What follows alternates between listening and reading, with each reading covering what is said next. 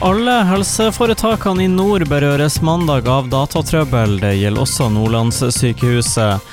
Det er en oppgradering som ikke har gått etter planen, og det får konsekvenser for driften. Vi er avhengig av dette journalsystemet, forklarer Andi Angelsen, kommunikasjonsdirektør ved Nordlandssykehuset til an.no.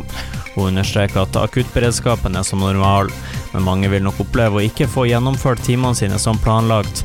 Pasienter som har time ved Nordlandssykehuset bes møte opp som normalt, med mindre de får annen beskjed. Politiet har kommet med ytterligere informasjon om dødsulykka på Kleiva torsdag 6.2. Etterforskninga pågår, og det vi kan si så langt er at et av kjøretøyene har kommet over i motgående kjørefelt. I forbindelse med etterforskninga er det tatt beslag i førerkortet til en av de involverte i saken, sier etterforskningsleder ved Sortland lensmannskontor i pressemelding. Ekstremværet Elsa sørga for svært høy vannstand på oransje nivå for Helgeland, Salten, Ofoten, Lofoten, Vesterålen, Sør-Troms og Nord-Troms.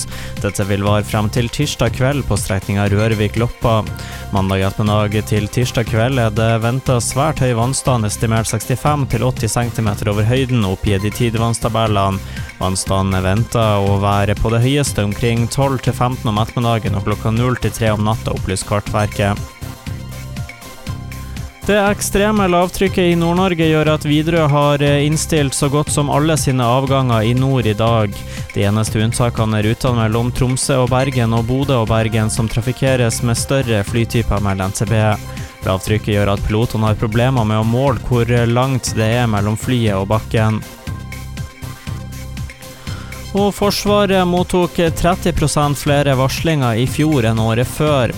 Varsler om både mobbing, trakassering og økonomiske misligheter har økt kraftig, viser ny rapport, skriver ABC Nyheter.